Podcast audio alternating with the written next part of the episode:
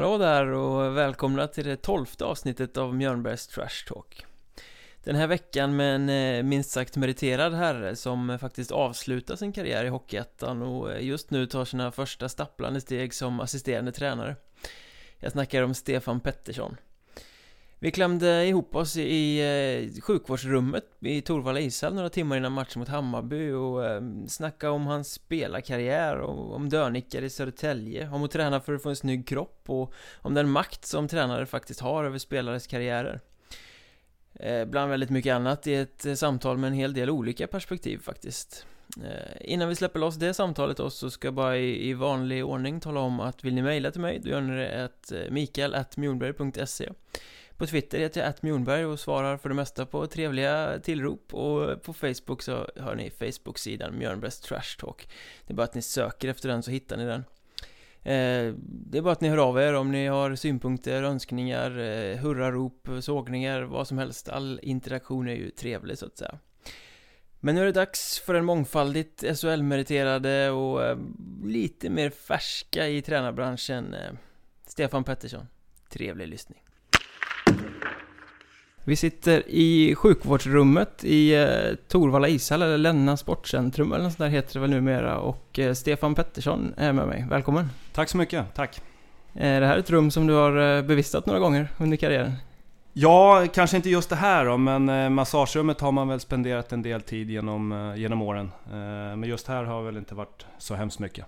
Nej, det är inte så många säsonger du hann göra med Haninge innan karriären hamnar på hyllan andra gången.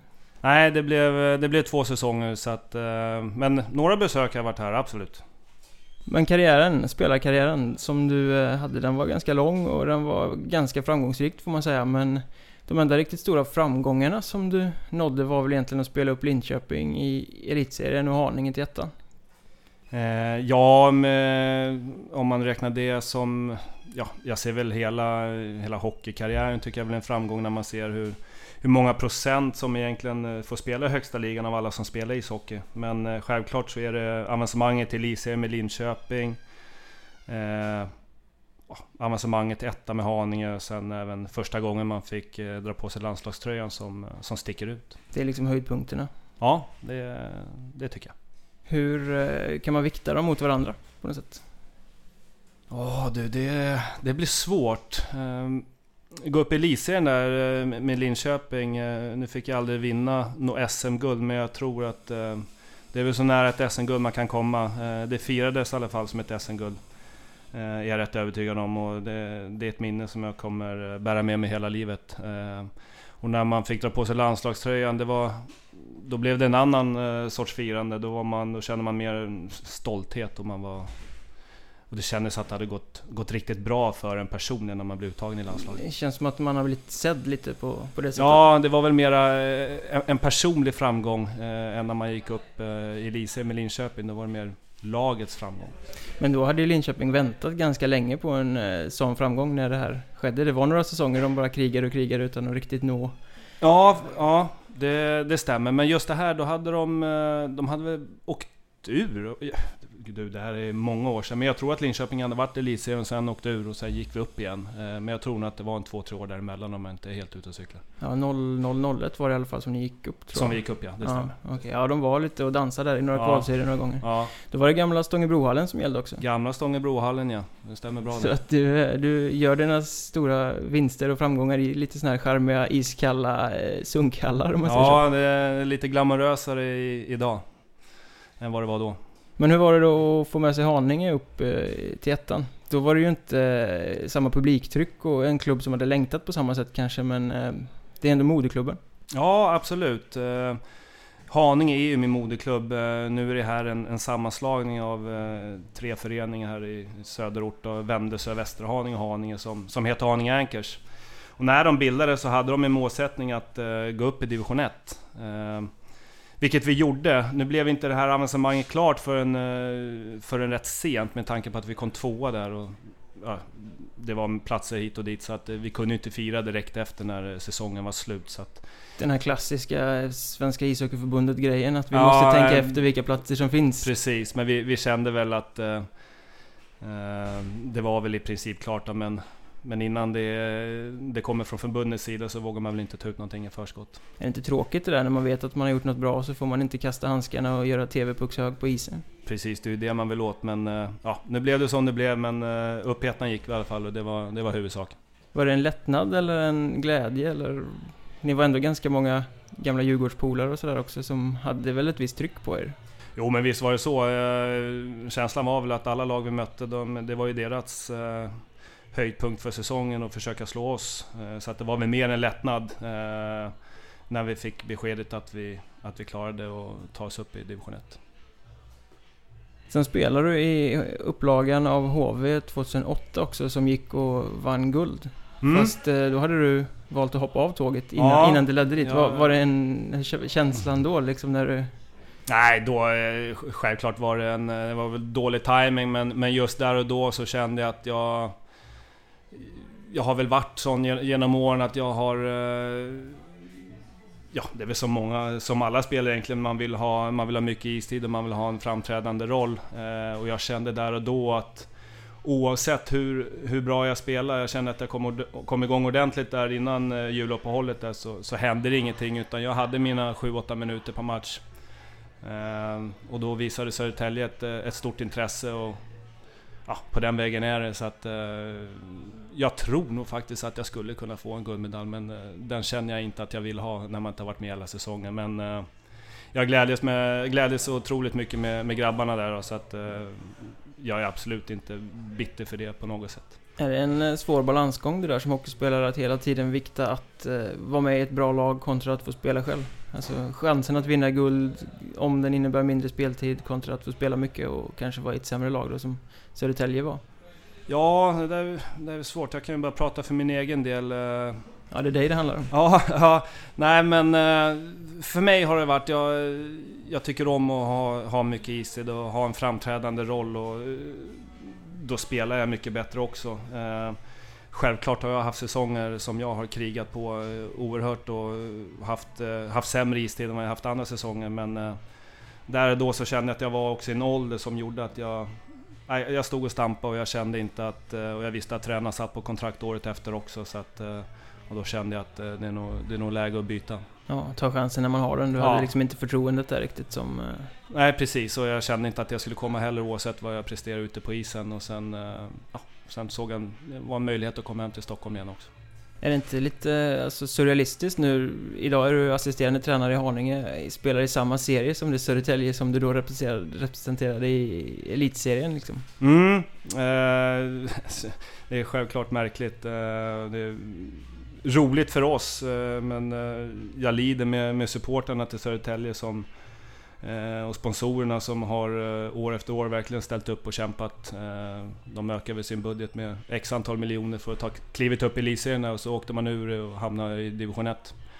Men ja, om några år så kanske man tittar tillbaks på den här tiden som, som Södertälje-fan och, och säger att det var nog det bästa som kunde hända. Börja, börja om från början. Nyttig omstart liksom. Ja. Släppa allt det gamla, för det har ju varit en nedåtgående spiral mm. ett tag. Ja men så, så har det varit, tyvärr. Eh, och du ser, de har ju fortfarande en fantastisk publik. De lockar över 2000 åskådare på sina matcher. Så att eh, självklart är de, ska de ha ett lag i de högre divisionerna. Men eh, det är rätt många spelare som kommer dit och plötsligt går ner i produktion. Det gäller ju även dig. Du var ju inte jättevass på slutet där liksom. Nej, vad, vad, vad, vad, är det med Södertälje som gör att alla bra spelare plötsligt börjar prestera mindre? Ja du, jag, jag vet inte men eh, Många som kommer dit kommer ju ofta från, ja men det kan väl vara samma liknande situation som, som jag hade. Man kommer från ett så kallat topplag och går till ett lag som, eh, som ligger i botten. Eh, det spelas inte samma hockey, det är inte samma självförtroende. Och, eh, du är ju fortfarande beroende av dina medspelare för att du ska lyckas själv. Eh, så att, att komma till ett lag som har, ja, om man säger till alla lag, deras dåligt självförtroende, då, då blir det inte så bra hockey. Är det enda gången i karriären du har fått sparken? Södertälje? Ja, det stämmer bra det. Det är ganska starkt ändå att göra en så lång karriär och bara bli chockad en gång. ja, nej men... Uh, Klimatet kanske var lite annat ja, än vad det är idag. Man... Ja, jo men det är det ju. Men vad fan, det är kul att testa på det också. Uh, det kom som... Uh, Ja, det var inte väntat i alla fall, men jag var inte speciellt ledsen när det hände heller. Det var rätt skönt att komma därifrån. Det var två riktiga dödnyckar till, till tränare där, så att det var bara skönt. Vilka var det ni hade då? Popovic och Peter Larsson. Ja, Okej, okay. ja, det funkar inte. Ni blev liksom Nej de, nej, de hade ju inte ens kurage nog att kunna säga till mig själva utan jag, jag fick ett samtal från, från klubbdirektören. Så att, eh, det kan jag tycka är rätt svagt. Men du fick åka till Italien på semester istället då? Ja, precis. Det blev... Eh, ja, när det där hände då var man väl... Man var rätt less. Men eh, som så mycket annat så var det väl pengar med i bilden om man skulle bli utköpt och så skulle det vara någon klubb eh, som tog över resterande delen där och så dök Italien upp, det ringde en svensk eh, som spelade i den klubben, gammal storspelare. Rickard heter han, fan jag har glömt bort efternamnet på Ja, det, det kanske jag kommer på under tiden. Men han, hade, han har NHL-matcher i bagaget. Eh, Malmö-kille. Eh, som ringde och övertalade mig. Eh, så jag tänkte rätt kort tid kvar på säsongen där och han plussade för stan där och Det var annorlunda sa men eh, det var fantastiskt roligt. Jag ångrar verkligen inte det. Det var ett eh, otroligt äventyr som var i två månader. Det var kanske kul att ta ett äventyr då också när allt annat var pest i, hemma liksom. Mm, absolut. Det enda jobbiga var väl att lämna ungarna och, och, familjen hemma. Men eh, det var under en kort tid så att det, det funkar. Det det ständiga dilemmat för hockeyspelare. Mm. Eh, I alla fall för de som har, eh, som har familj och barn. Eh, vissa klarar det bättre än andra. Jag är väldigt hemmakär så jag har väl alltid haft lite svårt att åka iväg en längre tid. Så det var första och förmodligen sista gången för mig. Fast du har varit ute ganska långa sessioner alltså från Stockholm i Sverige under karriären. Var mm. rätt många säsonger i mm. Linköping, mm. ganska många med HV. Mm, absolut. Men då hade jag i Linköping hade jag ju ingen, ja vad ska man säga, jag hade väl ingen egen familj så. Om man ser till egna barn. Eh, men mina föräldrar de var ju nere, var nere i princip varenda hemmamatch och kollade så att, Och det var väldigt nära hem till Stockholm också. Ja, det är bara E4 nu. Bränna ja, två timmar så är det klart. Precis, ny Toyota Celica en timme, sen var man hemma igen. Vilket är det bästa laget du har spelat i då? Om vi liksom sammanfattar elitkarriären på det sättet. Nej men det är, det är HV71. Eh, det måste jag säga. Vilken av upplagorna? Ja du, jag tycker vi hade bra upplagor eh, alla år men eh, spelmässigt och hur det gick för mig personligen så är det väl om jag inte missminner med 05, 06, 06, 07 kanske. Eh, du kan kolla på Elite Prospect 9 på 12 i slutspel den säsongen. Ja, mm. då när det bara öste in poäng från din klubba som... Ja, nej men då, då gick det väl fantastiskt bra att hitta en eh, fin kemi med, med kedjekompisarna och fick stort förtroende från, från Pelle Morts. Eh, så det är mycket sånt som spelar in. En tränare har idag otroligt mycket makt. De kan på det sättet att de kan egentligen bestämma om det ska gå bra för en spelare eller inte. Får man förtroende och man får spela mycket så då växer man och det är en självförtroendesport i, i mångt och mycket. Känner du den makten själv nu när du är på andra sidan så att säga och själv står i båset? Ja, makt kanske är fel ord men eh, visst kan jag påverka, absolut. Och sen, är, sen skiljer sig division 1 eh, mot mot elitserien eh, SHL då. Eh, många här spelar ju, spelar ju ideellt, så man kan ju inte köra lika hårt med, med grabbarna som man kanske hade gjort i, i elitserien där alla är avlönande. Men känner du alltså, om vi säger så istället, ett ansvar med tanke på dina egna erfarenheter som spelare? Du vet hur man kan bli nedtryckt av en tränare och lika mycket upplyft. Känner du liksom ett, att du har tagit lärdomar i det, i ditt sätt att förhålla dig till spelare? Hur du vill, alltså behandlar du folk som du vill bli behandlad själv? Jag hoppas det och jag försöker att göra det. Nu är jag fortfarande så, så otroligt färsk på, eh, som tränare. Eh, jag har inte spelat så jättemånga matcher heller men eh, har jag haft ett par, ett par spelare som har spelat lite mindre vissa matcher men då försöker jag alltid ha en, ha en dialog efter match och, och förklara varför det blev så just den matchen och vad jag vill att de ska jobba på för att de ska, för att de ska spela mer. Så att jag hoppas och tror att jag har tagit lärdom av det som jag har upplevt genom åren. Hur mycket saknar du spelarkarriären? Och få vara där ute och sätta grillarna på isen så att säga? Ja, jag, det blir väl, jag saknar väl inte lika mycket nu kanske när jag ändå får vara runt omkring hockey. Men eh, självklart saknar jag just matchdagar och sånt där. Det är, en fantastisk känsla att glida ut på isen och, och få spela match. Och i, Idag eh, har vi haft något som vi vanligtvis inte brukar ha. Vi spelade ju Visby borta i fredags, så vi var lediga igår och sen idag har vi haft matchvärmning på morgonen och sen eh, lunch tillsammans och sen samling igen ett par timmar senare för, för ett derby. Eh, då får man ju upp, då får man lite flashbacks från, från tiden i elitserien och, och SHL då, där, där det såg ut så här tre dagar i veckan. Och det, det är en fantastiskt rolig livsstil. Och, Samtidigt som det är otroligt hårt jobb som ligger bakom. Men eh, då kan man sakna det. Sen när jag kollar någon eh, match på TV och sådär med, med fullsatt, självklart då, då blir man sugen. Det rycker lite i Ja, det, gör, det gör det absolut. Men du har slutat två gånger? Ja, jag har slutat två gånger. Eh, jag trodde jag hade spelat min sista match där och jag stod inte på is på två år då. Jag var, ner, jag var ner här och tränade en gång för att kanske börja spela igen men jag kände inte att det då var det mer att det, det funkade inte tidsmässigt och, och med familjen. Eh, men sen så ringde Fimpen då när de skulle ha, när de gjorde den här sammanslagningen. Och precis i den vevan så, så sålde chefen på det jobbet där jag var, eller ägaren, han sålde det företaget där. Så att, eh, då blev det lite tid över så jag tänkte att fan, jag åker ner och testar. Eh, först och främst för att känna om jag ens kan göra en comeback rent kroppsmässigt. Och min jag visste inte ens hur min fysiska status var. Jag hade tränat mycket självklart men eh, träna på gym och eh, åka skridskor på is är inte riktigt samma sak. Men eh, efter några träningar där så, så kände jag att det här kommer nog funka och jag tyckte det var förbannat roligt så att det blev en säsong till och sen, eh, ja, resten vet du, det blev avancemang och så, så fortsatte en säsong till. Men varför slutade du första gången? Då var du i Oskarshamn. Jag tror, ja. kan det ha varit säsongen 10-11 Ja, det, där, det, stämmer bra det. Eh, då flyttade vi ner hela familjen och eh, bodde där och eh, spelade där en säsong och det var ett fantastiskt roligt år. Jag var i Oskarshamn var väl egentligen där tycker jag som, som min hockeykarriär började, 99-00. Första året som Allsvenskan spelades. Så du var tillbaka till rötterna lite? Ja, och jag har alltid sagt eh, efter det året att jag ska spela i Oskarshamn igen. Eh, nu blev det faktiskt lite tidigare än man hade trott, men eh, det var roligt för att då hade man, då hade man mer att ge.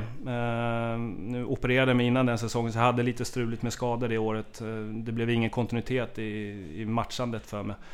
Utan det blev 10 matcher, sen vila 2-3 och sådär. Men sett över hela säsongen så, så tycker jag att det gick bra. Eh, och de ville att jag skulle vara kvar, eh, men min övriga familj kände väl att barnen framförallt, hon skulle börja tvåan där och ja, min motivation om jag ska vara helt ärlig, när jag dels hade jag lite skador den säsongen och flytta iväg och spela själv utan familjen, den var inte tillräckligt stor. Eh, så därför bestämde jag mig för att, för att sluta. Var inte hela den säsongen ganska strulig i Oskarshamn också? Jag kan minnas fel, men det var väl då Salo var där och försvann och, mm, och sådär? Det stämmer, det var, det var Salo som tog dit mig och sen försvann han till Leksand under säsongen. Eh, eh, sen var det även en, en del andra grejer också, men det behöver vi inte gå in på här. Nej, det, det var rätt mycket skandalrubriker ja. där på, på, på, den. Eh, det hände någonting i Oskarshamn varje vecka kändes det som. Ja, men det var, det var en turbulent säsong och självklart så var det första gången i min karriär som jag var lagkapten också. Så att eh, där fick man sättas på prov direkt. Men påverkade det beslutet att sluta? Att det var liksom, du fick ta ett jävligt stort, eh, rent psykologiskt och mentalt ansvar den säsongen också? Nej, det gör det absolut inte utan eh, det ser jag väl så här i efterhand bara som, som väldigt nyttigt. Även fast man var, var färsk som, som kapten. Men jag tyckte jag växte mycket som, som människa under den säsongen faktiskt. Så det, det ser absolut inte som något negativt. Även fast det var tråkigt för laget och jag tror att det påverkar vårt resultat negativt. Men när du väl hade tagit beslutet där och sluta, hur kändes det? Det var första gången du slutade, var, uppstod det någon form av tomhet där liksom? Eh, ja, men just där och då när jag slutade så då kändes det mest skönt. Eh, om jag ska vara ärlig. Jag, fick, eh, fan, jag kunde träna som jag ville och... Ja, kunde... behövde inte gå och lägga mig vid tio dagen innan match och förbereda mig varenda dag. Ja, du fick börja leva livet helt enkelt? Ja, inte så att jag sprang ute på krogen var och varannan dag, absolut inte så men... Eh, jag, jag, alltid, jag kunde träna, det var väl den stora grejen. Jag tyckte jag kunde träna som man ville och sen var, var hemma på kvällarna. Eh, men jag gjorde det rätt lätt för mig. Jag, jag, kollade ingen hockey på, det var säkert ett halvår, år innan jag kollade min, min första match eh, efter att jag hade lagt av. Eh, och då när jag började kolla, då började det här suget komma krypande igen. Så att, det blev ett par matcher men sen slutade jag med det för jag kände att jag var inte riktigt där än. Och kunna kolla på hockey utan att bli sugen själv. Men om du, in, om du klarar att köra ett halvår utan att kolla på det, då låter det nästan som att du kanske var lite mätt. Ja, när jag slutade då, då, var, jag, då var jag mätt. Eh, Eh, jag har alltid haft... Det sköna kanske låter men som forward, jag har ju alltid varit en spelare som bedöms efter hur många poäng man gör. Eh, hade jag inte gjort någon poäng en match, då, då hade jag gjort en dålig match, även fast jag själv kanske tycker att jag hade gjort en kanonmatch. Men eh, står det noll i kolumnen på både mål och assist, då, då var det... Ja, då var det en dålig insats från min sida och det kan jag känna var... Även fast jag, samtidigt som jag tycker att det är kul att spela under press och jag, jag blir taggad av det så, så var det jävligt skönt att slippa bli bedömd av... Eh, ja, nu säger jag inte att alla är tomtar men fan efter varje match det var, det var getingar och humlor hit och dit som fan man undrar om de ens har kollat på match. Eh, det var rätt skönt att slippa faktiskt. Ja, och de som inte var jätteinsatta i din hockey eh, sådär, kanske de visste att du var en kille med ett jävla skott som skulle göra mål. Och sen så gjorde du inte det och då Nej, och då, då var man automatiskt dålig. Eh, visst var det så? Även fast man kanske hade gjort en eh, riktigt bra match och man hade skapat ytor åt andra och, och kämpat ner motståndare så att de har blivit trötta så andra fick kliva fram. Och, så att det... Men eh, ja. Var det en Det känsla så- som kom mer med, alltså, med åldern? Med en, eller har du haft den känslan hela karriären? Liksom? Mm, Nej men i början när man var ny då tyckte man väl det var, det var skitroligt. Det var väl roligast när man visste att och var springa och köpa tidningen efter en match när man Framförallt när man visste att det hade gått bra, man hade gjort några mål, för då visste man att nu, nu skulle det skrivas positivt. Eh, sen mot slutet av karriären där, då, då läste jag inte speciellt mycket tidningar oavsett om det gick bra eller dåligt. För att, eh, ja. Och de misstagen tror jag nog de flesta hockeyspelare gjort. Man har varit inne på gästböcker och, och sånt där. Det, det slutade jag med sista åren för att det, det leder inte till något gott. Eh, Man sitter mer och dunkar huvudet i bordet, höll jag på att säga. Ja, där står det ju alltid negativa saker, hur bra man än har varit. Ja, eh, mest negativt faktiskt. Ja, det är internets slaskhink. Ja, det kan man säga. Det kan man säga. Men vad pysslar du med de här två åren som du var borta? Förutom att inte titta på hockey. Eh, först och främst så, så tog jag mig tid att vara hemma mycket och min sambo som inte har jobbat, eh, hon har självklart jobbat men inte speciellt mycket och inte kanske med det hon har velat. Eh, så hon fick jobba och jag har tagit hand om lämning och hämtning av barn och ja, tagit igen mycket tid som jag har missat genom åren. Man har ändå haft tre matcher i veckan och eh, varit borta en del. Så att, men jag kände väl där efter ett halvår att jag, jag måste nog sysselsätta mig med någonting mer än att bara inom situationstecken hämta och lämna barn. Så att, eh, jag studerade till eh, personlig tränare i ett halvår och läste mycket om kost och träning och, och sånt eh, samtidigt. Då. Så det, var, det var givande. Byggde vidare lite på det du ändå har gjort i livet. Ja, absolut. Fast eh, på ett litet annat sätt. Eh, jag har alltid tyckt det varit kul att, att vara i gymmet. Eh, men nu behövde man ju inte träna för att jag ska bli en bra hockeyspelare. Nu kunde jag mer träna för att, ja... Ja, för att få en snygg kropp. Ja, det, det sägs att du är utrustad med ett eh, väldigt gott självförtroende vad gäller utseendet. Ja, nej, det vet jag fan var jag har fått det ifrån. Eh, Det, det stämmer absolut inte. Eh, Men fåfäng har man nog alltid varit när det kommer till kläder och hur man ser ut i kroppen och så. Det, det sticker inte under stol. Ja, men det vet väl alla som har spelat i samma lag som dig att du alltid är snyggast, är det inte så? Nej, nej det, det, det stämmer inte. Men däremot har jag fått mycket gliringar för hudkrämer och dylikt. Men eh, de kan komma tillbaka om några år när de ser ut som russin hela gänget. Ja, du är 38 år ung och ser ut som 20. Ja, precis. Du säger det själv. Men sen ringde Fimpen säger du, det är Christian Eklund, Mm. gamla Djurgårdskillen som eh, var här i Haninge då, i Mm. division 2. Det stämmer bra. Eh, vi har ju haft eh, kontakt sporadiskt genom åren. Eh, vi har ju spelat i samma lag väldigt många gånger, framförallt som smålagsspelare, smålag. Som pojklagsspelare. Och sen hade vi säsongen i Djurgården också tillsammans där och vi är från Haninge båda två. Så han har haft ett eh, finger med i spelet här var det i Haninge Ankers då, så att, eh, Och då sa han då att det var även Linkan och, och Tim som eh, var på ingång. Och då tänkte jag, fan jag har ingen att förlora, nu har jag tid också. Så jag åkte ner då på, på vinst eller förlust för att känna mig för. Eh, och det kändes bra. Eh, fantastiskt roligt att vara inne i ett omklädningsrum igen. Eh, även fast människorna runt omkring mig hade blivit lite yngre. Eller så var det jag som hade blivit äldre. Det låter vi vara osagt. Så att, eh, ja, men det, det var jättekul att vara tillbaka. Eh, så jag kan väl se på det nu så här i efterhand att jag fick väl två gratisår. Men om man tittar på det, det var division 2 i Stockholm, klassen är ju inte jättehög eh, om man säger så. Sen så stod ni där med ett lag, det var du, det var Fredrik Bremberg, Christian Eklund, Tim Eriksson. Eh, spelare som förvisso hade blivit lite äldre men ändå var eh, överkvalificerade för nivån om man säger så. Blev det lite av ett eh, Lattjo gäng liksom? Att ni kunde göra som ni ville och vinna matcherna ändå? Nej, självklart vissa matcher så var det väl, eh, var det väl ingen vidare motstånd, men eh, generellt sett så kan ju alla åka skridskor och skjuta bra. Jag hade ju inte stått på is på, på två år, så att eh, jag hade ju tappat också. Så att det, var, det var nog alldeles lagom start för min del i alla fall. Eh, sen blev det ju tuffare året efter då när vi spelade i division 1. Men och jag har ju alltid varit av den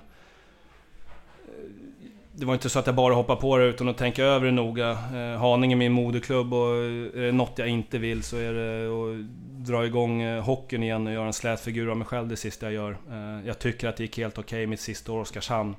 Så att det hade varit en värdig avslutning. Eh, men nu blev det så här och då var jag jävligt noga och, alltså, och att jag skulle göra det bra. Eh, så att jag fick ju verkligen ligga i där på, på träningarna och försöka gå ner lite i vikt. Jag hade gått upp rätt mycket i vikt också. Eh, inte, inte i fett ska tilläggas, utan eh, i muskler. Har du tränat för mycket? Eh, ja, nej men jag pluggade där och sen eh, ville jag applicera mycket av det jag läste på mig själv då, Så att jag käkade kopiöst och tränade otroligt mycket. Så jag gick nog upp en 6-7 kilo. Och det är rätt mycket på, på isen kände jag. Så att, eh, men jag gick ner, eh, gick ner rätt snabbt när man började åka skridskor och, och röra på sig lite mer. Så att, eh, men det tog lite tid, eh, absolut. Men kan du förklara för oss som är, inte spelar hockey och är ganska noviser vad gäller alltså att träna rätt och ordentligt. vad, hur kan det vara dåligt att ha för mycket muskler när man kliver ut på isen? Blir man klumpig eller långsam, trög?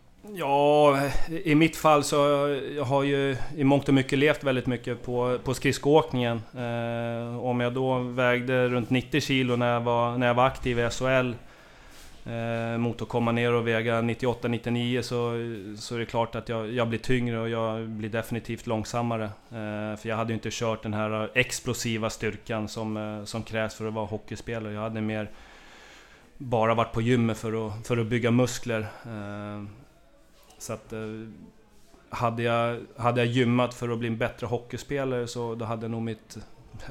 Eller nog, då hade mitt träningsupplägg eh, garanterat sett annorlunda ut. Så när du kom tillbaka efter två år så var det inte så att du var rostig, det var snarare så att du var för fit? Ja, det kan man väl säga, men eh, samtidigt så gjorde väl det, att jag hade varit på gymmet så, så pass mycket och ändå tränat gjorde väl att kroppen höll fortfarande och jag kom igång rätt, rätt så snabbt ändå. Eh, hade jag bara legat på sofflocket så hade det nog tagit längre tid. Var det samma sak för de andra gamla lirarna som också dök upp i Haninge vid, vid det laget? Ja, det, det tycker jag väl. Eh, Tim Eriksson där, han spelade ju säsongen innan där så att där var det inga problem. Eh, Fimpen också, har alltid varit i bra form. Eh, det var väl Linkan vi var lite oroliga för, han hade blivit lite rund och god. Eh, sorry Linkan, men eh, så var det. Men han lever ju på sina handleder istället, så att han räddade upp det där vägen. Ja, han kunde väl stå kvar i egen zon och slå flippmackor Ja, till... precis, precis. Men ni gjorde en säsong tillsammans där och sen så gick Haninge upp i, i Hockeyettan. Men när det blev dags för spel i Hockeyettan, då var det bara du av den här ligan som faktiskt var kvar. Mm. Eh, hur kom det sig att de andra trampade av medan eh, du valde att stanna och fortsätta?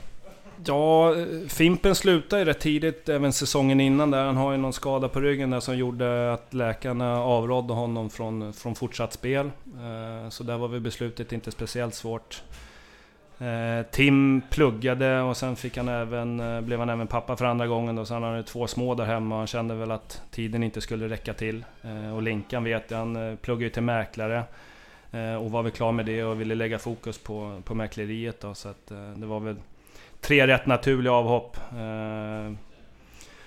Och, ja, och jag hade ju som sagt hållit upp från hockeyn i två år. Jag fick ju blodad tand efter en säsong och tyckte det var så jävla roligt igen så att jag, jag bestämde mig tidigt för att eh, fortsätta i alla fall ett år till. Men är det, eh, alltså steget från tvåan till Hockeyettan är ju ganska stort också vad gäller vad du måste lägga ner för, för tid. Du kanske måste träna mer, du kanske måste vara lite mer seriös. Du måste åka lite längre resor. Inne, påverkar sådana grejer också? Ja, för att jag... Själva mängden eh, skiljer sig inte åt. Visst, träningarna blev lite bättre, det gick lite fortare. Vi, vi fick ju ett bättre lag eh, självklart då när vi skulle spela ettan och vi, vi mötte bättre motstånd. Men, men, tiden som vi la ner var, var nog densamma. Eh, och resorna tycker jag är just eh, östra serien, eh, vi är rätt eh, förskonade från, från långa resor. Vi har väl Huddinge, Tierp och... Eller vad säger jag? Huddinge? Ja, det, är, det är långt. det är jättelångt. Hudiksvall, Tierp och Visby som är de långa resorna. Resten känns ju som hemmamatcher nästan allihop. Ja, man kan ta bilen nästan. Ja, det är väl bara Hudik och Tierp och, som vi tar, tar buss och Visby kör vi lite båt. Ja, men jag menar, spelar du Hockeyettan så kan du ju inte ta det på halvår, eller halvår, vad är det för svenska? Eh, för, eh, liksom så halv, halvhjärtad inställning, utan där måste du ju faktiskt kriga om du ska kunna vara med och, och göra mm. det bra, för att så pass hög är ju ändå klassen. Absolut, men den inställningen hade jag redan i tvåan som vi var inne på förut. Allt för att man inte vill göra en slät figur av sig själv, det, det sista man gör. Men ja, i ettan så då skärpte man väl till det lite till eh, när man kommer till nerjogg och uppvärmning och allt sånt. Eh, matcherna blev väl lite tuffare så att... Eh, och den sommaren eh, la jag självklart om träningen också så att jag, jag var ju bättre förberedd, eh, förberedd inför ettan där än vad jag var inför när jag gjorde comebacken i tvåan. Det, det var jag. Men det blev bara en säsong i ettan för nu när vi sitter här och det är säsongen 15-16 så är du tränare istället. Så mm. Eh, vad låg bakom beslutet att sluta andra gången så att säga? Ja, eh, jag hade förhoppning om att spela i år också. Jag var även på is och spelade en, en träningsmatch. Eh, tyvärr i sista matchen där mot Huddinge eh, förra året så åkte jag in i sargen med knät där som, som gjorde att jag fick operera det knät för nog tredje gången tror jag. Eh, men jag körde rehaben hela sommaren och eh, för att jag just ville, ville ha, få en ärlig chans att kunna spela igen. Eh, och knät kändes helt okej okay när jag varit på is. Det är mina ljumskar som har varit ett, ett litet gissel för mig genom, genom alla år. Jag opererade båda ljumskarna och eh, jag kände att fan, jag kommer inte kunna åka så som jag vill. Eh, och frågan är, spelar jag en säsong? Eh, vilken nivå kommer jag kunna hålla? Och framförallt, hur kommer jag må efter den säsongen?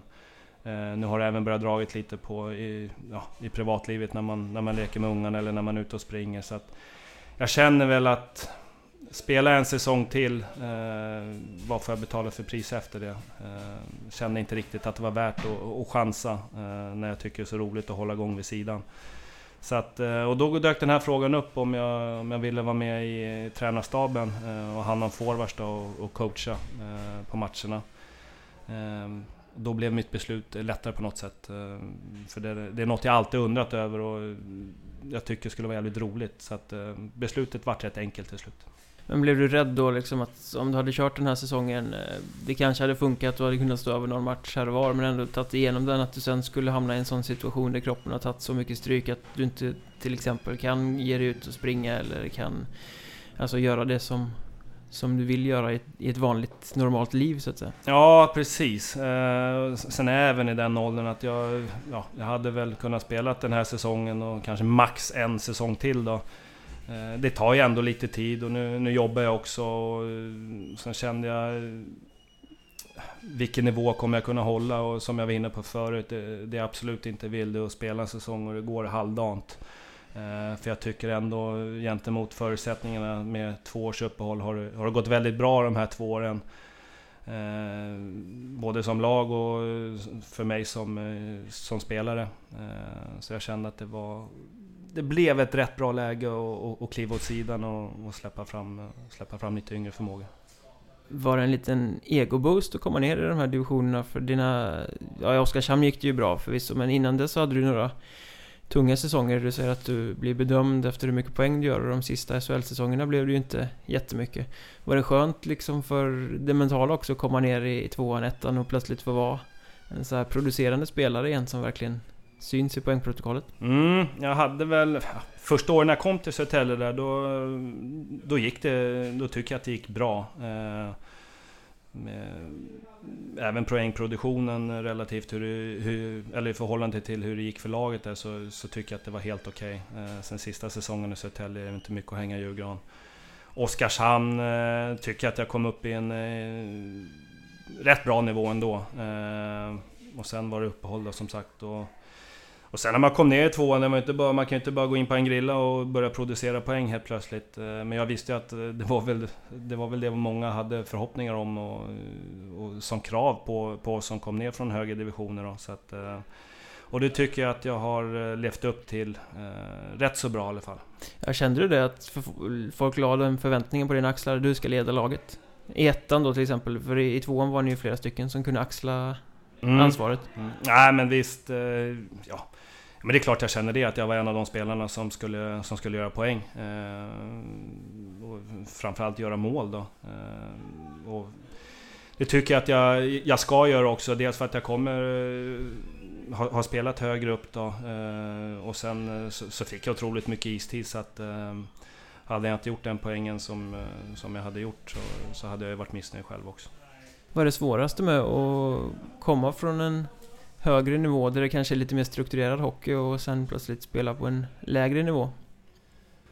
Ja, svårt att sätta fingret på. Eh, självklart utan att racka ner på, på några på, i, i division 1-nivå, men självklart är spelet bättre i, i SHL än vad det är i division 1. Det tror jag är, står klart för, för alla. Det vore konstigt annars nästan. Ja, eh, visst är det så. så att, eh, man, man, tänker väl hockey på ett, eh, på ett lite olika sätt. Eh, alla kan åka bra skridskor, alla kan skjuta, men det är väl eh, spelförståelsen som, som brister i, i, i vissa fall.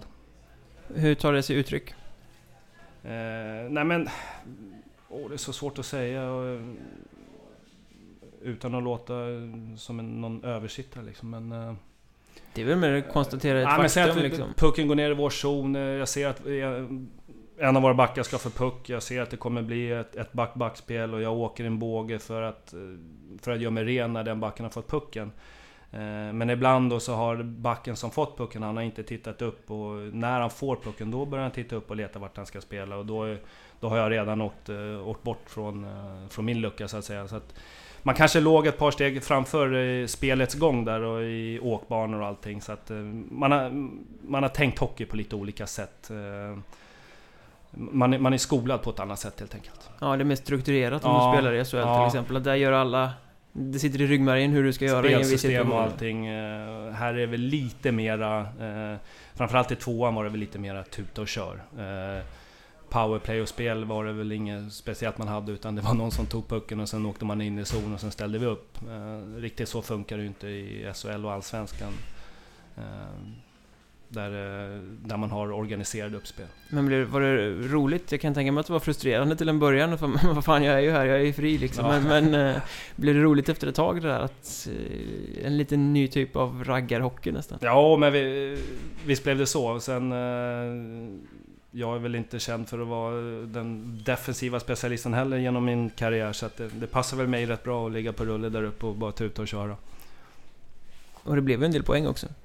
Ja, eh, kul att du tar upp det. Har vi några siffror på det? vi kan titta på det. Du, du, du gjorde ju faktiskt 30 poäng på 17 matcher i division 2 och 44 poäng på 31 i ettan, seriespel. Mm. Ja, men det får väl anses som bra. Eh, jag tycker jag gjorde, gjorde en del mål i alla fall var det lite som en eh, nytändning. Jag vet att det är många lite äldre spelare som har varit uppe och kanske inte haft jättestark avslutning på säsongen. Kommer ner i ettan, får några säsonger där de liksom, ja, får vara både en ledande spelare och producera lite och att det blir lite nytändning. Mm. Det blir, från att ha varit det här Kanske spelat i lag som har gått dåligt, haft pressen på axlarna, det är lite, tappar lite glädjen för hockeyn. Eh, kommer ner hit och det är lite mer lekfullt och lite mer tuta och köra och så tänder man till igen. Jo, men visst är det så. Eh, och sen man, man får ta stort ansvar, man får... Eh, man får mycket istid, man får spela 5 mot 4, man får spela 5 mot 3. Eh, så att, och det, det, tycker jag är fantastiskt roligt. Och sen har jag, ja, som så många andra forwards, eh, jag älskar verkligen att göra mål. Eh, fan det roligaste som finns. Så att, eh, och det fick man ju göra och då, då klart, då tycker man allting är ännu roligare. Och sen var vi, var vi ett vinnande lag, vi vann mycket matcher. Hur var det från motståndarhåll sådär? Jag menar, det är inte många före detta landslagsmän som åker omkring i Hockeyettan. Ehm, fick du onödigt stor respekt kunde du känna från motståndarna när du hade pucken till exempel? Nej, det tycker jag inte. Eh, många av dem är, är säkert så unga så de har inte ens någon koll på att man har, att man har spelat i SHL. Eh. Vad är det för farbror de har i sitt lag?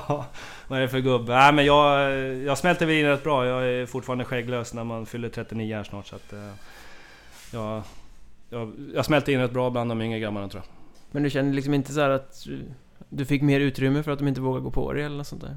Nej, det, det, tycker jag inte. Och sen har inte jag den spelstilen att jag, jag bär så mycket puck utan jag är mera den speltypen som ska ha pucken sista tredjedelen av banan och försöka nypa dit dem. Vad tyckte de yngre medspelarna om att ni kom in där då? Ja du, det är svårt för mig att svara på. Jag, jag hoppas att de tyckte var, det var roligt. Eh, och eh, ja, Ja, det hoppas jag. Jag försökte verkligen visa att, eh, eller att, att de tar lärdom, eh, att det krävs eh, hårt jobb. Det är väl lite si och sådär med, med uppvärmning och förberedelser och allting. Och jag förberedde mig, även om det var division 2 eller division 1, så förberedde jag mig som om det skulle vara en match i, i SHL. Det handlar om att vara, vara redo när pucken släpps. Sen är det klart att det skiljs, eller det, är lite skilda förutsättningar. Grabbarna jobbar och kommer direkt med blåstället, många av dem, och, och ska byta om till match. Så att, eh, otroligt imponerad ändå av eh, många att de, att de orkar. Måste man ha en lite annan eh, kravbild? Måste man sänka den på något sätt? På den här absolut, nivån? Eh, det tycker jag absolut att man måste göra. Eh, man måste ha i åtanke att de jobbar måndag till fredag, många går upp tidigt. Sen spelar borta match onsdag och sen är det upp till jobbet några timmar senare och sen ner och träna på, på torsdagen. Så att, eh, jag är full av beundran av många som, eh, som lägger ner den här tiden som de gör på, på ishockeyn. Och det tycker jag är roligt och det är väl... Eh, jag hoppas att det betalar av sig för dem eh, längre fram. Tror du att du själv hade gjort det om vi säger att du inte hade haft den talangen, att du hade tagit det hela vägen till eh, SHL? Och sådär, hade du fortsatt på samma sätt om det hade varit Hockeyettan som var nivån tror du? Jättesvårt att svara på. Uh, Eh, jag vet faktiskt inte. Jag kan inte säga ett rungande ja på den eh, frågan eller ett rungande nej. Eh, förmodligen hade jag gjort det som jag tycker att hockey är fantastiskt roligt och jag, jag älskar, jag älskar den här sporten. Så att, med stor säkerhet så hade jag fortsatt att spela. Det tror jag, men det hade självklart varit mycket tuffare och, och svårare. Svårare att få skallen med sig i tio år kanske? Ja, Just det här att eh, motivera sig till att åka till Jag tror inte jag hade spelat lika länge om jag bara hade spelat i division 1. Eh, det är jag rätt övertygad om. En form av kritik som ibland riktas mot spelare ja, som dig eller Bremberg eller Fimpen eller när ni var nere i, i tvåan eller som kommer ner och spelar i Hockeyettan då är ju att eh, ibland kan folk tycka att äldre spelare som eh, har gjort sitt på högre nivå, kommer ner och ska varva ner kanske några säsonger i, i ettan eller sådär, står i vägen för yngre talanger som hade kunnat få den där speltiden i powerplay eller sådär. Hur, hur tänkte du på det sättet på någon gång? Eh, kanske framförallt när du la av att okej okay, nu är jag halvtrasig i ljumskar, jag vill mm. inte, inte vara den som tar någon annan speltid. Eh, ja, man, man, kan se det på olika sätt. Jag, jag tycker att det, det, går inte att ha ett lag med, med, bara juniorer och unga spelare, utan eh, jag tror mixen är alltid det bästa. Eh, dels för att de yngre spelarna ska, ska se på de äldre och de, de har ju fortfarande mycket att, att lära ut. Eh, så att jag, jag, tror att mixen är absolut det bästa. och jag försökte, jag var väldigt noga med att och verkligen vara nere och köra på träningen och förbereda mig på som om jag, jag spelar SHL. Och sen, sen tycker jag att man kan se i... Självklart hade vi mycket istid, men uh, tittar man i... Ja, nu är jag där och bedömer efter poäng igen, men uh, vi låg inte på latsidan i alla fall och vi, vi bidrog rätt mycket till, till laget tycker jag. Det är kanske svårt att inte bedöma efter poäng när man själv har blivit bedömd efter ja, poäng precis. i en hel karriär. Nej, men det, det, är ju så eh, för sådana som inte har sett matcherna så det är ju enda, det enda redskapet de har för att kolla hur det gick för men känner du att du har, eh, har något så konkret specifikt exempel på att här har jag faktiskt hjälpt eh, en annan medspelare framåt genom handfasta tips eller eh, sådär under de här två åren som du faktiskt har varit nere och lirat? Eh det vet jag inte. Eh, jag försöker nu även som tränare, men jag försöker... Be... Jag har, man har ju genom åren haft mängder av fystränare och man har pratat om kost och jag vet, jag vet ju vikten av att förbereda sig på rätt sätt. Eh, både när det kommer till sömn, när det kommer till kost, när det kommer till träning. Så att där är jag rätt övertygad om att jag har eh, kanske inte inspirerat vissa, men jag har, jag har i alla fall gjort dem vaksamma på vad, vad som krävs eh, för att du ska ha en så god möjlighet som möjligt att, att göra en bra match. Eh, det, det, det hoppas jag. Och det tror jag. Men kan du känna att de har utnyttjat din kompetens då? För jag menar, att få in någon med så mycket erfarenhet i sitt omklädningsrum måste ju ändå vara eh, väldigt positivt för unga spelare, 20-åringar som aspirerar på att ta sig till SHL. Mm, nej men visst har man fått några frågor eh, på de här säsongerna, absolut. Hur gjorde ni där? Hur, hur hade du gjort nu? Och även när de har fått lite smällar och sånt, vad de, ja, hur de ska träna och komma tillbaka och, och sådär. Så att, jag har försökt hjälpa så, så gott jag kan. Eh, och förhoppningsvis har det kommit några kloka ord ur min mun. Har du alltid haft gott självförtroende som, som spelare? Nej, absolut inte. Ehm, det är något jag har fått kämpa med väldigt mycket. Eh, och det är väl något jag kan se tillbaks på min karriär, att jag är väldigt stolt. Jag har ändå Eh, alltid varit en sån som, som säger vad jag, vad jag tycker och tänker och eh, vissa spelare har ju alltid haft en tränare på sin sida men jag har väl rätt så ofta jobbat i, i motvind och verkligen krigat. Eh, så att, eh, jag är stolt över det jag, det jag har presterat eh, genom mina år som, som hockeyspelare, absolut. Varför tror du att du har jobbat så mycket motvind? Varför har du liksom inte hamnat på favoritlistan så att säga?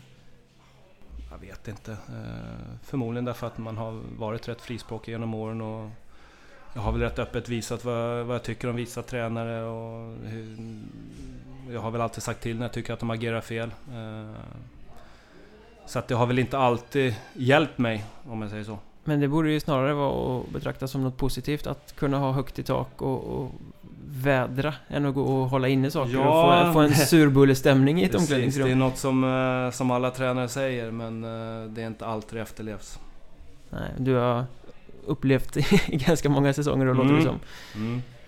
Eh, så att, men, men, om man får dåligt självförtroende, vad, vad gör man rent specifikt för att få, få ordning på det? Eller få... Det är svårt. Eh, hade det funnits någon bra formel där så tror jag alla hade använt den eh, rätt så ofta. Eh, Dåligt självförtroende för mig, det var ju ofta... Alltså, man fick inte in pucken, man gick mållös i 8-9 matcher. Då försöker man alltid göra det här... I början när man var lite färsk så överarbetade man situationen. Man kanske drog en gubbe för mycket istället för att göra det enkla först eh, och sen låta det andra komma efterhand. Så att... Eh, jag försökte alltid spela så enkelt som möjligt. Över röda, lägga ner puck, åka tacklas. Kom jag fri så försökte jag inte att dra utan då försökte jag trycka mellan benen och göra allt det här enkla. Eh, och sen när man fick in en kasse eller två eller man fick in en propp eller... Då växte man lite och sen fick man ta det därifrån och sen eh, förhoppningsvis så, så var man ur svackan och får lite mer istid som belöning. Men är var det bara under matcher man kunde göra det? Eller kunde man jobba med det på träning eller i uppladdningen och sånt också på något sätt? Bete sig på något annorlunda sätt? Eller man säger jag nu, det handlar ju om, om hur du gjorde i det här ja. fallet. Eh, nu tror jag att de flesta har väl... Eh, alla flesta lag har nog mentala coacher som de jobbar med. Vi, jag vet att vi hade en i, i HV på slutet som var, som var väldigt bra, som, eh, som man pratar mycket med. Eh, som, som hjälpte en på vägen då. Så det var, det var jävligt nyttigt och jag tror att det ser lite, rätt övertygad om att det ser annorlunda ut idag eh, när det kommer till de bitarna. Har ni sån hjälp även här nere i ETA? Det är jag som är mentalcoach. Ja, men eh, du vet ju allt om dåligt självförtroende ja, så det, det är Nej, något no, sånt har vi ingen budget för i, i alla fall inte i, i våran förening men eh, som sagt, jag har, jag har varit i de situationerna förut så att jag, jag försöker hjälpa grabbarna så gott det går. Då. Eh, tack och lov så har, vi, så har vi ett gäng med rätt bra självförtroende där inne nu. Hade du överhuvudtaget någon koll på de här divisionerna innan du gjorde comeback? Eh, nej, att, eh, att jag hade koll på tvåan eh, skulle jag nog ljuga om jag sa att jag hade. Eh, men när jag spelade i tvåan så då blev det automatiskt att man fick lite mer koll på, på de andra divisionerna. Och sen när vi hade som mål att gå upp i ettan så då började man spana in de divisionerna också. Så att eh, under den säsongen så fick jag relativt bra koll på ettan tycker jag. Och idag har du stenkoll? Eh, ja, det kanske vore att ta i och säga, men rätt så bra koll. Men vad tycker du om den här östra serien som ni, som ni huserar i? Hur, mm. hur är klassen och inställningen på, på lagen? Jag tycker... Eh, jag tycker att botten har blivit sämre i år och jag tycker toppen har blivit bättre. Eh, Södertälje med sitt eh, intåg i vår serie har ju självklart gjort att toppen har blivit lite bredare. Eh, topplagen är väl, det, det, är väl Södertälje, det är Huddinge, eh, det är Visby. Eh, viss mån Hudik och Åkers också är där uppe. Och kan vi vara med och fightas om, om platserna där strax där under där så, så tycker jag att då har vi gjort det bra. Eh, sen har vi tyvärr lag som, eh, inget ont om, om Tierp och, och dem, men, som inte riktigt håller måttet. De har ju tappat många spelare och eh, tabellen eh, ljuger ju inte direkt. Eh, så att det, är lite tråkigt att det är en, eh, en sån ojämn nivå som det ändå är. Ja, men det måste ju vara rätt svårt att förbereda sig för spel i en sån serie. När man är, å ena sidan har Södertälje som med allsvenska ambitioner och är ett eh, extremt spelskickligt lag med egentligen tre första kedjor och sen har du Tierp som du ska möta nästa dag som inte ens hade platsat i division 2 om man ska mm. vara helt krass. Ja men så är det. Det är svårt men det, ja, det är så förutsättningarna ser ut så att det, det är bara att anpassa sig. Eh. Och möter man Södertälje så eh, sköter sig uppladdningen själv men när du, när du ska skicka ut killarna på isen mot Tierp, ni vet att gör ni det ni kan så vinner ni med 10-0. Det går ju inte att snacka bort det hur mycket klyschor man än vill slänga sig med så att säga. Men hur, hur motiverar man ett lag till att göra det? Gå ut och verkligen ta i. Ja men visst är det som du säger, mot eh, Södertälje och de andra tilltänkta topplagen där så kommer ju laddningen automatiskt många gånger. Eh, nu mötte ju vi Tierp vår första match för säsongen där så att vi visste ju inte riktigt var de stod. Eh, och jag menar absolut inget illa mot, mot Tierp, men eh, det är ju så det ser ut. Eh, de har ett nästan helt nytt lag, många unga spelare och de är inte riktigt färdiga för att, för att spela i division 1. Eh, så nu har jag gett dem laddning i alla fall till de eh, kommer hit och ska möta oss. Men man får försöka att peppa upp grabbarna så gott det går och sen... Många, många på den här nivån är ändå så pass professionella att... Så dåliga är inte Tierp så att vi kan gå ut på en grill i alla fall. Jo. ja, det var du som sa, jag, jag säger inte. Men eh, nej, jag hoppas att vi är så professionella att vi, vi ser det som eh, en bra chans att ta tre poäng om vi spelar som vi ska. Eh, kunde du känna dig själv under spelarkarriären att vissa matcher var svårare att eh, liksom to die for, så att säga? Eh, nej, serien är ju så otroligt jämn i SHL. Det är ju bara att titta, alla lag kan ju verkligen ta alla en bra dag. Eh, även i Allsvenskan. Däremot hade man väl ställen där man kanske hade lite sämre minnen ifrån och vissa andra arenor hade man bra minnen ifrån. Det fanns alltid några lag som man hade lite tungt mot av någon konstig anledning och vissa lag som man alltid gjorde bra matcher mot. Eh, ja. Och hur det blir så, det är så svårt att säga men... Eh, Mentalt. Så var det i alla fall. Men vilka, har du något exempel på det? Vilka du alltid presterade bra och lite sämre mot? Eh, nej men när jag spelade i HV så, så gjorde jag ofta bra matcher mot, eh, mot Djurgården, mot Färjestad. Eh, av någon konstig anledning. Det var, det var roligt att spela. Mötte Djurgården, då visste jag att det var mycket folk som var, var och tittade och som man kände. Och gammal klubb dessutom också som man hade spelat i. Så att det, det gjorde väl att man, laddningen var ja, extra, extra bra om man, eh, om man nu kan ha en extra bra laddning inför någon match. Så, så var det mot Djurgården. Och Färjestad var alltid roliga matcher. Eh, ja, HV och Färjestad har ju aldrig riktigt gillat. Nej, så att det var ju... Ja, de har ju lång historia där med många slutspel genom åren. Och, så att eh, det var också roliga matcher att spela. Frölunda också fantastiskt roligt. Sen, Modo borta, det var väl ingen favoritmatch för mig. Det var, det var flyg, hatar att flyga. Är du flygrädd? Ja, jag stannar gärna på marken ja. Så att... Det är väl, det är väl lite sådana grejer. Brynäs borta, lång bussresa. Mora borta, lång bussresa. Så att det, det är sånt som gör det lite tyngre ibland. Men det är svårare att ladda upp när man ja, måste men, resa? Ja, men så, så, är det. Är det samma sak i den här östra serien? Ställen som är jättefestligt att komma till och andra som eh, du hellre gärna hade skippat? Här behöver du inte flyga dock? Nej, eh, nej men här är mer att... Eh, nej...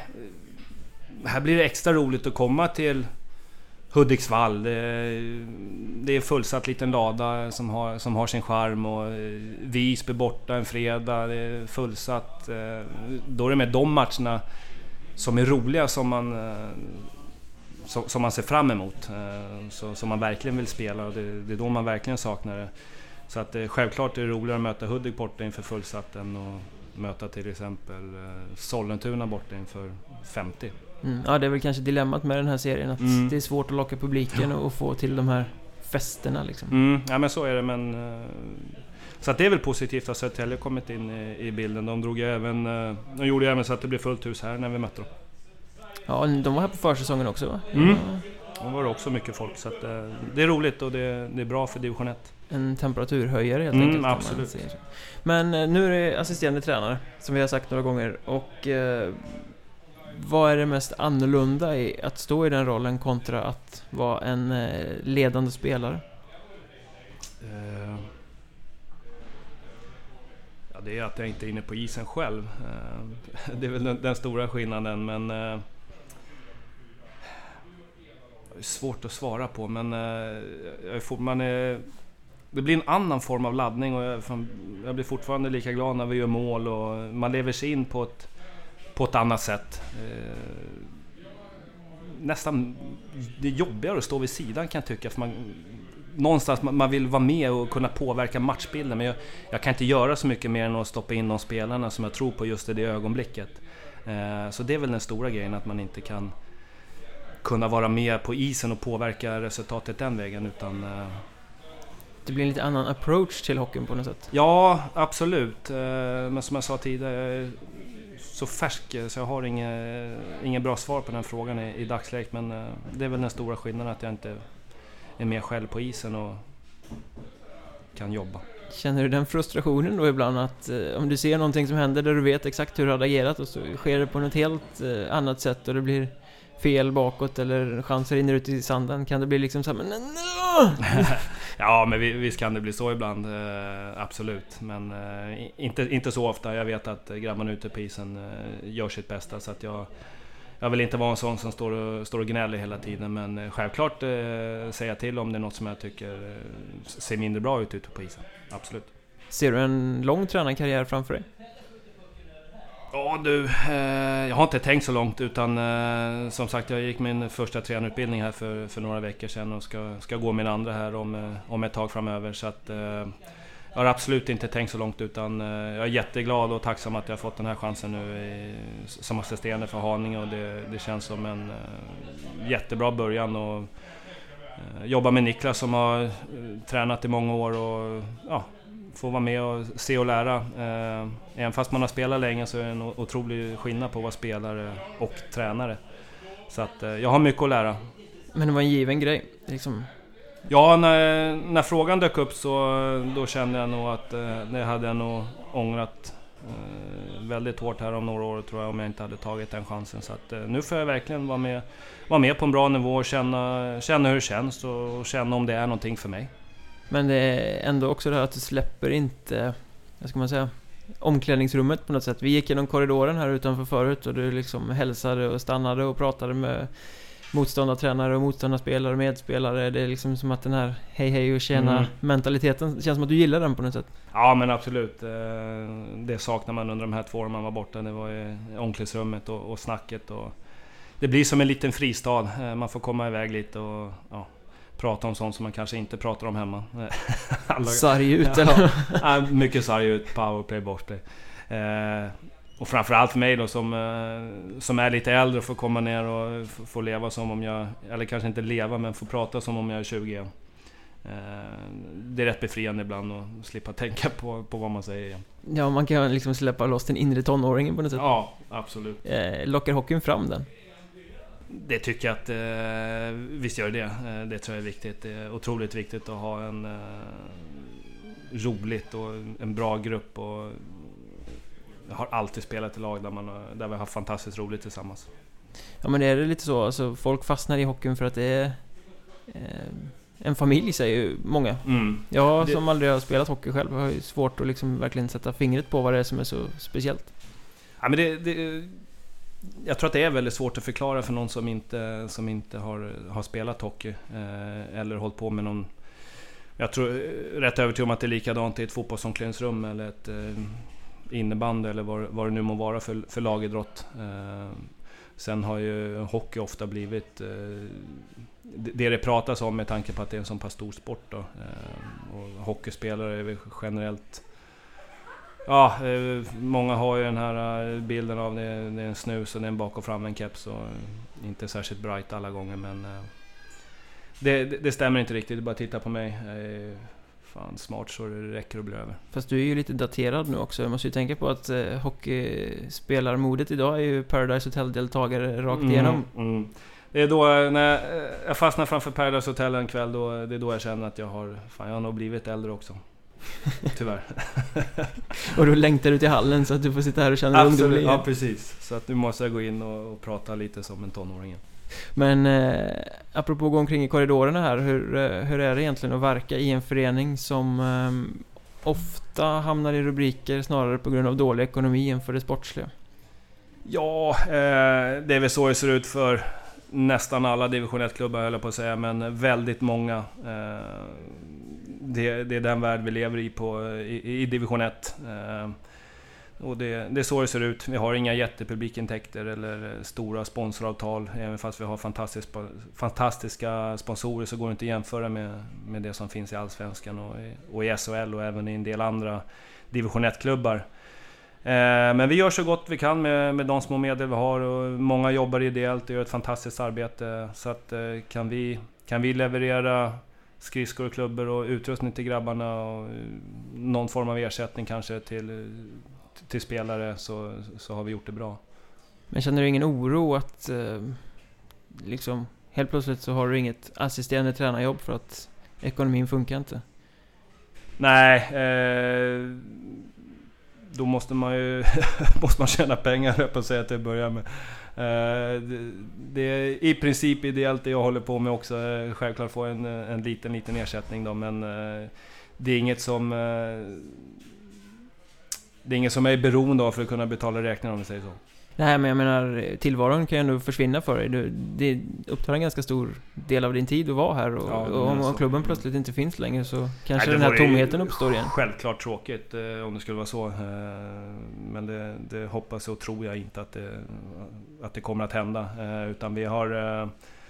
Ja, nu har vi fått in en ny styrelse som, som jobbar stenhårt med att få ekonomi på, på rätt fötter igen om man kan säga så. så att, och det, det, det ser bra ut. Så att, nej, det är inget jag går och oroar mig för. Eh, utan eh, vi, vi kör på. Har ni någon insikt, ni som håller på med sporten så att säga, alltså, i hur det ser ut? Nej, eh, de har varit ner och, förklarat läget så att jag känner ingen som helst oro över den ekonomiska biten om jag ska vara helt ärlig. Tycker du för övrigt att hockeyn ser ut ungefär idag som den gjorde när du höll på?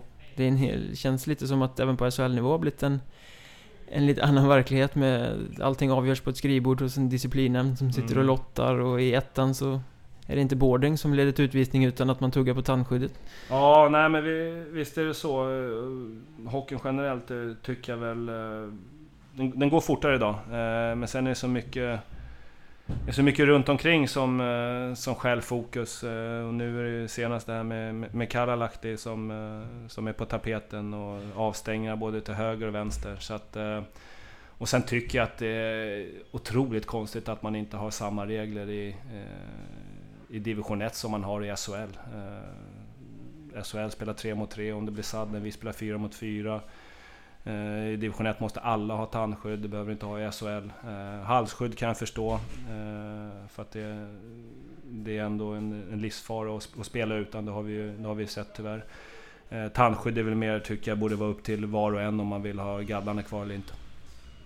Ja, men jag menar, Hockeyettan är ju ändå en utbildningsliga. Det är ju tänkt att spelarna här någon gång, i alla fall ett flertal av dem, ska kunna ta sig till SHL. Så att det är ju rätt märkligt att man inte utbildas på samma grunder. Ja, nej, jag, jag, jag tycker att det är jättemärkligt. Eh, och framförallt att man inte har samma regler eh, som man har i SHL. Eh, och jag förstår inte varför. Jag, jag kan inte se någonting positivt med att det skulle vara som det, som det är nu. Eh, och sen tycker jag även att eh, tacklingsförbud bland små, eh, jättemärkligt. Eh, det ser vi även idag med, med alla huvudtacklingar och sånt. Jag tycker att